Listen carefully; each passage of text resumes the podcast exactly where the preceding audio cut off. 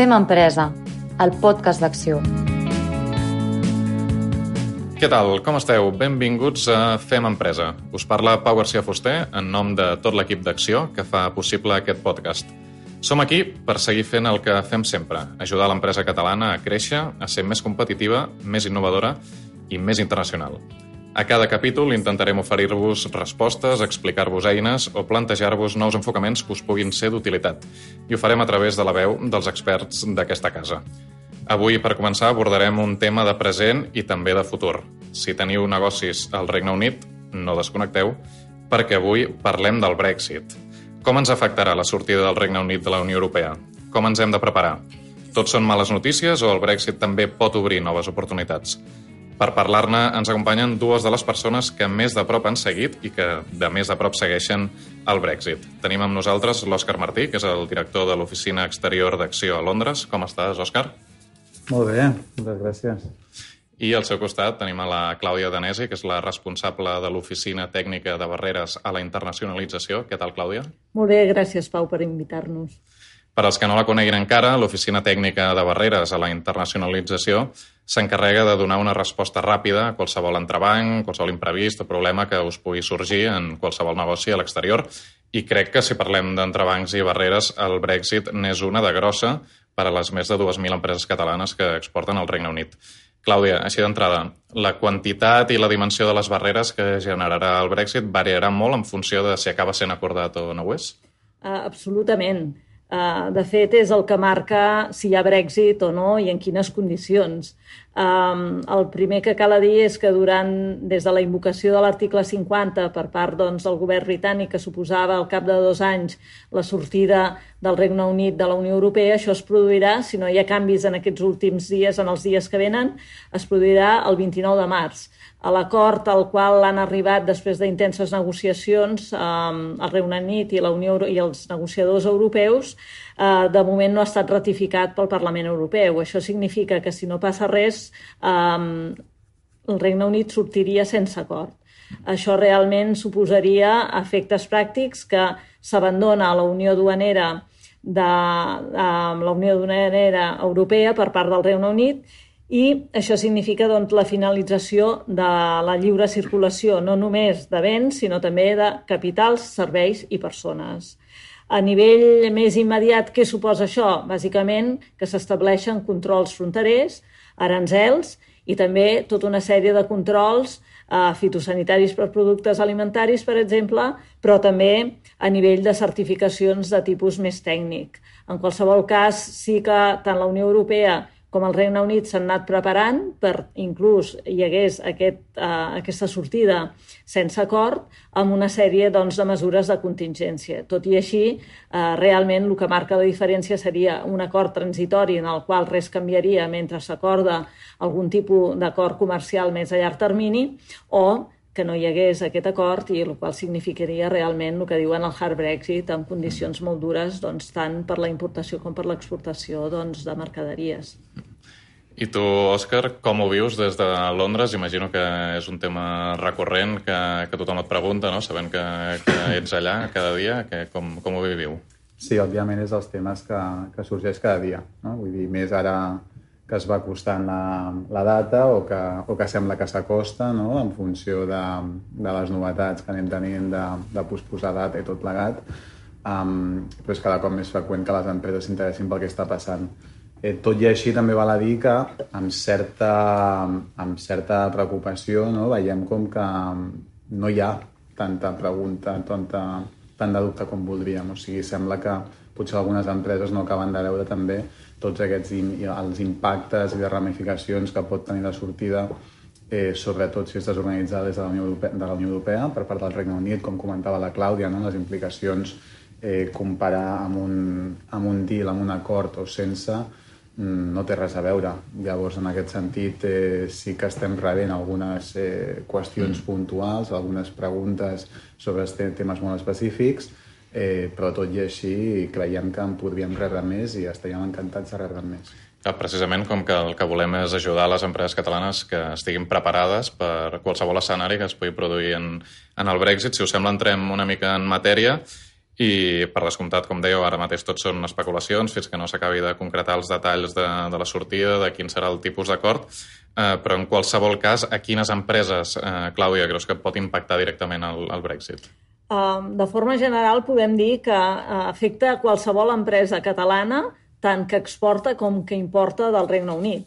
Però no només, també eh, afecta empreses, evidentment, que tenen filials o sucursals al Regne Unit, també les que tenen treballadors britànics aquí, per al tema de la lliure circulació de les persones, però també les que tenen treballadors catalans eh, que temporalment estan treballant als, eh, al Regne Unit.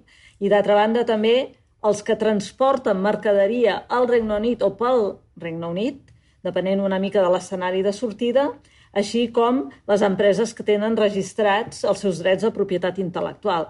Per tant, podem dir que el nombre d'empreses catalanes afectades és important, cal tenir en compte que el Regne Unit és el cinquè soci comercial de Catalunya, amb més de 3.000 empreses exportadores i amb unes 440 filials d'empreses catalanes. Per tant, l'impacte és important. Mm -hmm. I, de fet, eh, també tinguem en compte que seran aquells sectors regulats els que rebin l'impacte directe ja des de bon inici, sobretot pensem que automoció, el, el sector farmacèutic, el químic, eh, el sector d'alimentació eh, són, eh, són sectors claus per l'economia catalana, són les principals exportacions de, del país i també en el cas del Regne Unit, amb el que, clar, sí, al tractar-se sectors regulats, amb noves certificacions, amb noves regulacions que, i normatives que sorgiran, doncs eh, són sectors que s'han de preparar o estar eh, el més aviat possible. Mm. Una de les qüestions, eh, entenc, més evidents que, que pot, pot afectar en el negoci exterior de qualsevol empresa és el tema de les duanes. Eh, doneu per fet que les tornarem a veure en el comerç amb el Regne Unit? Eh, això és una cosa que veurem sí o sí amb el, qualsevol tipus d'acord de, de Brexit o, o pot eh, variar també? Doncs en funció, tot dependrà de, de l'acord del que s'arribi. El, que, el que està clar és que almenys en un principi no serà el mateix que ha estat fins ara -huh. i la relació serà eh, més o menys bona, segur que serà una relació fantàstica amb el Regne Unit a nivell comercial i és en l'interès de tots i seguirà sent així, però no serà la mateixa i això s'ha de tenir molt clar. Llavors, en l'aspecte clau de les fronteres, al principi eh, hi ha un marc que és potser el que preocupa a tots si estem parlant d'una sortida eh, sense acord de la Unió Europea. Per part britànica s'està dient que es vol evitar mm, òbviament, no? eh, tanta disrupció com sigui possible. Uh, és a dir, doncs que de moment s'estan comprometent des del govern britànic a dir que en el cas de, que hi hagi eh, un nou deal el que, el que passaria és que s'intentaria doncs, evitar fer controls de frontera. En qualsevol cas, això també et suposa un 50% del problema. Eh? No vol mm -hmm. dir mhm. que a l'altre 50%, que és abans de la frontera britànica, no tinguem també controls. I després, amb una economia interconnectada on els productes van i venen, eh, sovint, especialment en sectors com els que comentàvem eh, abans, doncs eh, això sempre serà una complicació afegida. Perquè quant de temps es pot alentir un, un procés d'exportació del que tenim ara amb, amb respecte a si s'introdueixen aquestes barreres, quant de temps s'allargaria? De fet, a dia d'avui es calcula doncs, que eh, exportar mercaderies a Regne Unit, que en argot de la Unió Europea no és una exportació perquè uh. -huh. encara és mercat intern, serien unes 12 hores i podria arribar a una situació um, de no deal fins a 72 hores. I, de fet, uh, si es produeix sense, diguem, una situació acordada, uh, pot ser en els primers dies amb un col·lapse important. Eh? Mm. Cal tenir en compte que precisament a l'escenari final de quin acord comercial, perquè inclús cal tenir en compte que inclús que tinguem un acord transitori no és el definitiu, aquest s'establiria, i precisament els eh, euroscèptics o els eh, brexiters el que volen sobretot és tenir sobirania per poder negociar tractats de lliure comerç o la seva eh, política comercial en països tercers més enllà d'Europa. Això suposaria bàsicament tancar les portes de que hi hagués una unió duanera, que és precisament un dels temes eh, als quals alguns no estan d'acord de l'acord transitori. No? Uh -huh. eh, en aquest cas, doncs, eh, aniríem més a un model tipus tractat de lliure comerç com actualment tenim eh, tant en Canadà com al Japó, que significaria que molts dels productes i mercaderies quedarien exemptes d'aranzels, però no de certs controls. I també hi haurien alguns productes als quals estaria restringida l'exportació o la importació. No? Això pot variar molt. De fet, inclús amb acord no és una qüestió immediata, sinó que es preveu, es preveu d'aquí dos anys, no? que seria el 31 de desembre del 2020, que és quan acabava el període transitori. Veurem una mica cap on anem, però és un dels temes essencials a negociar entre la Unió Europea i, i el Regne Unit. Clar, si el procés d'exportació és més lent, eh, entenem que té un impacte també més gran sobre els productes que tenen una vida més curta o per a aquelles empreses que s'han compromès a fer entregues just in time. No? Correcte. Per a aquelles empreses que treballen en un marc de just in time, doncs això és, eh, òbviament, eh, una notícia especialment preocupant en, amb altres empreses, doncs bé, el fet de que la teva mercaderia arribi una miqueta més tard doncs potser no és un aspecte crític, eh, però per aquelles empreses en aquesta situació, ja, ja no només també les empreses digues, que serveixen, però quan és necessari també que el teu proveïdor et serveixi. Eh, el, una de les complicacions, sobretot en, en aquest, eh, aquesta possibilitat de, de sortida desorganitzada, és d'assegurar-te també que no només tu mateix, però que tots els teus socis comercials, de fet, estan també preparats per fer front a les complicacions que puguin sorgir. Mm. I quina, quina recomanació faríeu en, en aquest sentit? Eh? Per, eh, més enllà de, de mirar eh, què fan també els teus socis comercials, no sé si preparar de buscar algun lloc on, on deixar les mercaderies més a prop del Regne Unit per poder-ho fer més fàcil, què, què és el que recomaneu? Sí, bé, des de eh, conjuntament, jo crec que tant amb l'oficina tècnica, la Clàudia aquí mateix, com nosaltres mateixos, les empreses que ens consulten, eh, la recomanació habitual de disposar d'un magatzem eh, al mercat del Regne Unit, si és possible, que ara mateix van cars, també. Mm. Eh, ja tothom en previsió, no? Ja tothom en previsió i, i estocant des de fa temps. Um, també s'estem recomanant doncs, en països veïns, no? com és, eh, òbviament, França, uh, que puguin assegurar almenys que les teves eh, mercaderies arribin una miqueta més ràpid i retar, escurçar d'aquesta manera els, els temps d'entrega. Cal tenir en compte també que normalment en, en entregues just in time eh, hi ha contractes, en clàusules, mm. eh, per lo qual les empreses poden incórrer amb, amb certes sancions, penalitzacions, si no entreguen la mercaderia que podria trencar doncs, una cadena de producció. No? I, per tant, eh, és molt important que les empreses que treballen en àmbits afectats eh, tinguin plans de contingència importants. I, per cert, des d'aquí, des d'Acció, els podem ajudar a definir també mm. com fer el seu pla de contingència. Mm. Clar, de fet, un dels punts eh, essencials en aquest pla de contingència entenc és mm, revisar aquesta cadena que deies ara de, de subministrament o de provisionament per veure que serem capaços de seguir-la complint o, o que s'adapti a, a, les a les noves necessitats o noves regulacions. Correcte, correcte. I sobretot sempre tenir en compte quins són els pitjors escenaris eh, de, de, retrasos, de retard, perdó, en el que és la, sobretot en els tràmits duaners. En aquest sentit, sobretot el sector d'alimentació i el químic estan molt afectats, perdó, automoció i químics, però també l'alimentació, eh, d'altra banda, al ser productes peribles, i n'hi ha alguns que tenen realment temps molt curts de vida, hauran de preveure que han de deixar d'exportar depenent de l'escenari. No? A més, en el cas també doncs, d'alimentació, moltes vegades doncs, aquest tipus de productes, si són de baix cost, no permeten fer un transport aeri perquè encariria massa el producte. No? Cal veure molt el producte un a un, depenent una mica dels escenaris. Mm. I preveieu també que, que creixi molt el nombre de llicències, certificacions, eh, tota aquesta normativa aquesta paperassa que potser ara en el mercat comunitari era més senzilla, això també complicarà el dia a dia de les empreses?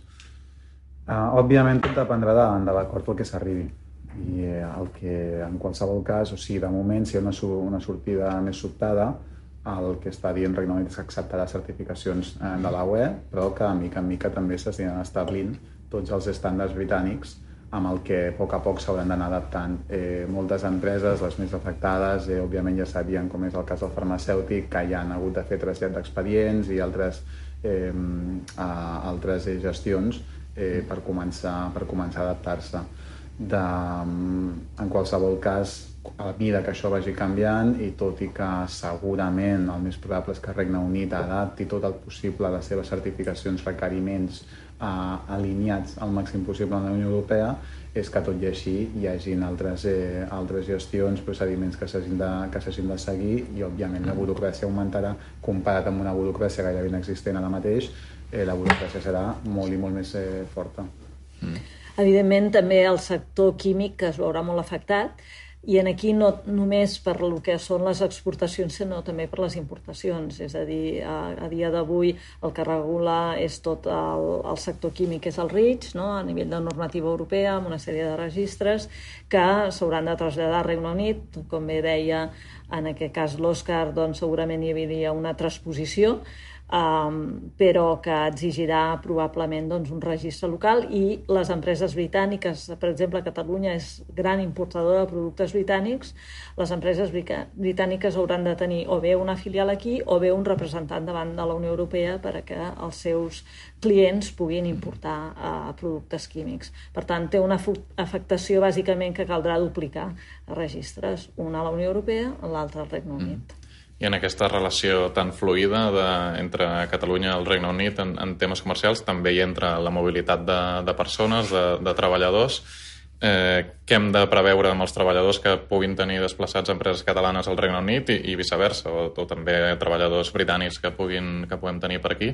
Com afectarà el, el Brexit o com pot afectar en aquesta situació? Mm.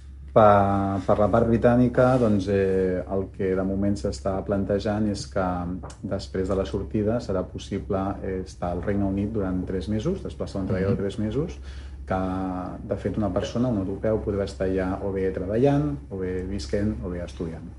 Després el que es preveu és que amb un eh, simple tràmit, el que ha de ser no està aclarit encara exactament quin serà el procediment, però es preveu que sigui entre cometes, simple, bastant automàtic, almenys això és el que s'està dient ara mateix, és que es pugui estar fins a 36 mesos més, eh, són 3 anys, eh, extesos al, al Regne Unit. Això s'ha pensat molt des del punt de vista eh, de les universitats, que havien estat eh, grans afectades al moment que de rebre doncs, eh, peticions d'estudiants i hi havia la preocupació de què passaria no? per Regne Unit, òbviament, doncs, tot el sector acadèmic i universitari és molt important i per això s'ha adaptat, s'ha decidit fer 36 mesos. Um, a partir d'aquests 36 mesos ja hi haurà en vigor, o es preveu que estigui en vigor l'any 2021, una, eh, una llei d'immigració que en funció de, de les capacitats eh, dels, eh, dels estudis de cadascú doncs, eh, i també eh, probablement del nivell de sou, eh, aquella persona pugui seguir residint o no al Regne Unit. Això és en el cas després, quan això, tot això és el marc eh, post-Unió eh, Europea, diguem, no? Uh -huh. eh, el que és el marc eh, a la Unió Europea, empreses que estan aquí, és una mica s'ha d'estudiar en funció la persona, doncs, el temps que porta al Regne Unit i, i, i, i en alguns aspectes que s'han estudiat més detall, però com a norma general, eh, les persones que estiguin residents al Regne Unit a, abans de la sortida eh, tindran ja mitjà, amb un registre que es pot fer ja ara mateix, eh, està obert, eh, mateix de pagament, però a partir de la sortida serà gratuït.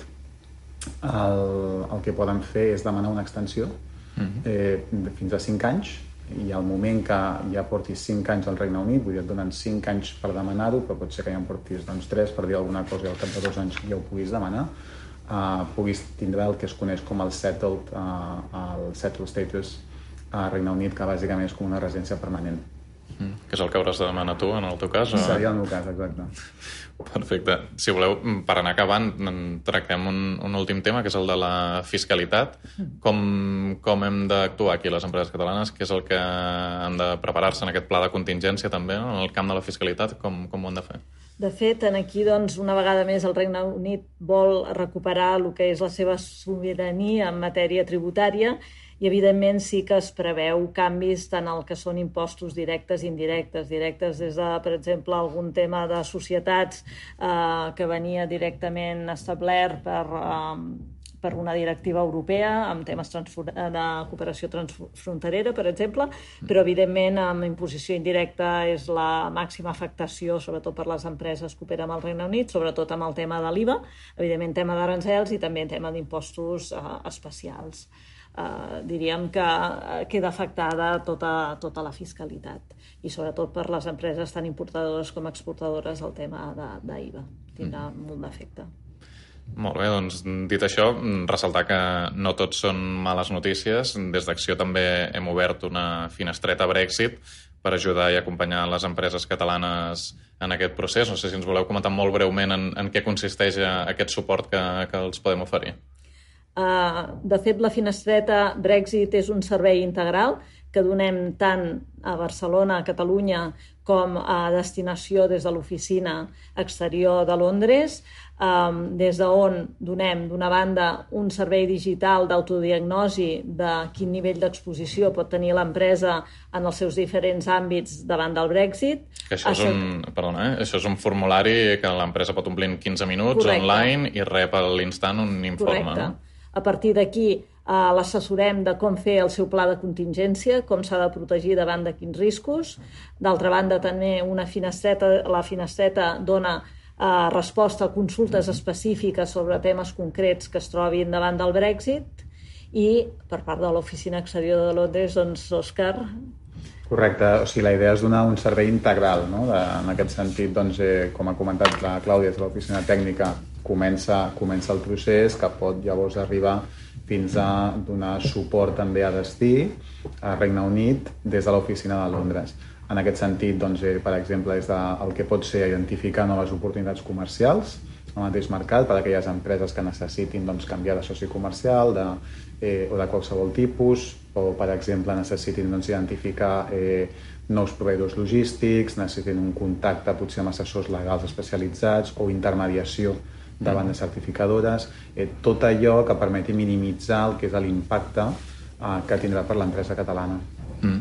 Doncs molt bé, Clàudia, Òscar, moltes gràcies per dedicar-nos aquests minuts i ajudar-nos a explicar una mica millor què suposarà el Brexit per a les nostres empreses i, sobretot, per aclarir una mica aquest escenari que, que a hores d'ara sembla tan fosc. Moltes gràcies. Gràcies. gràcies.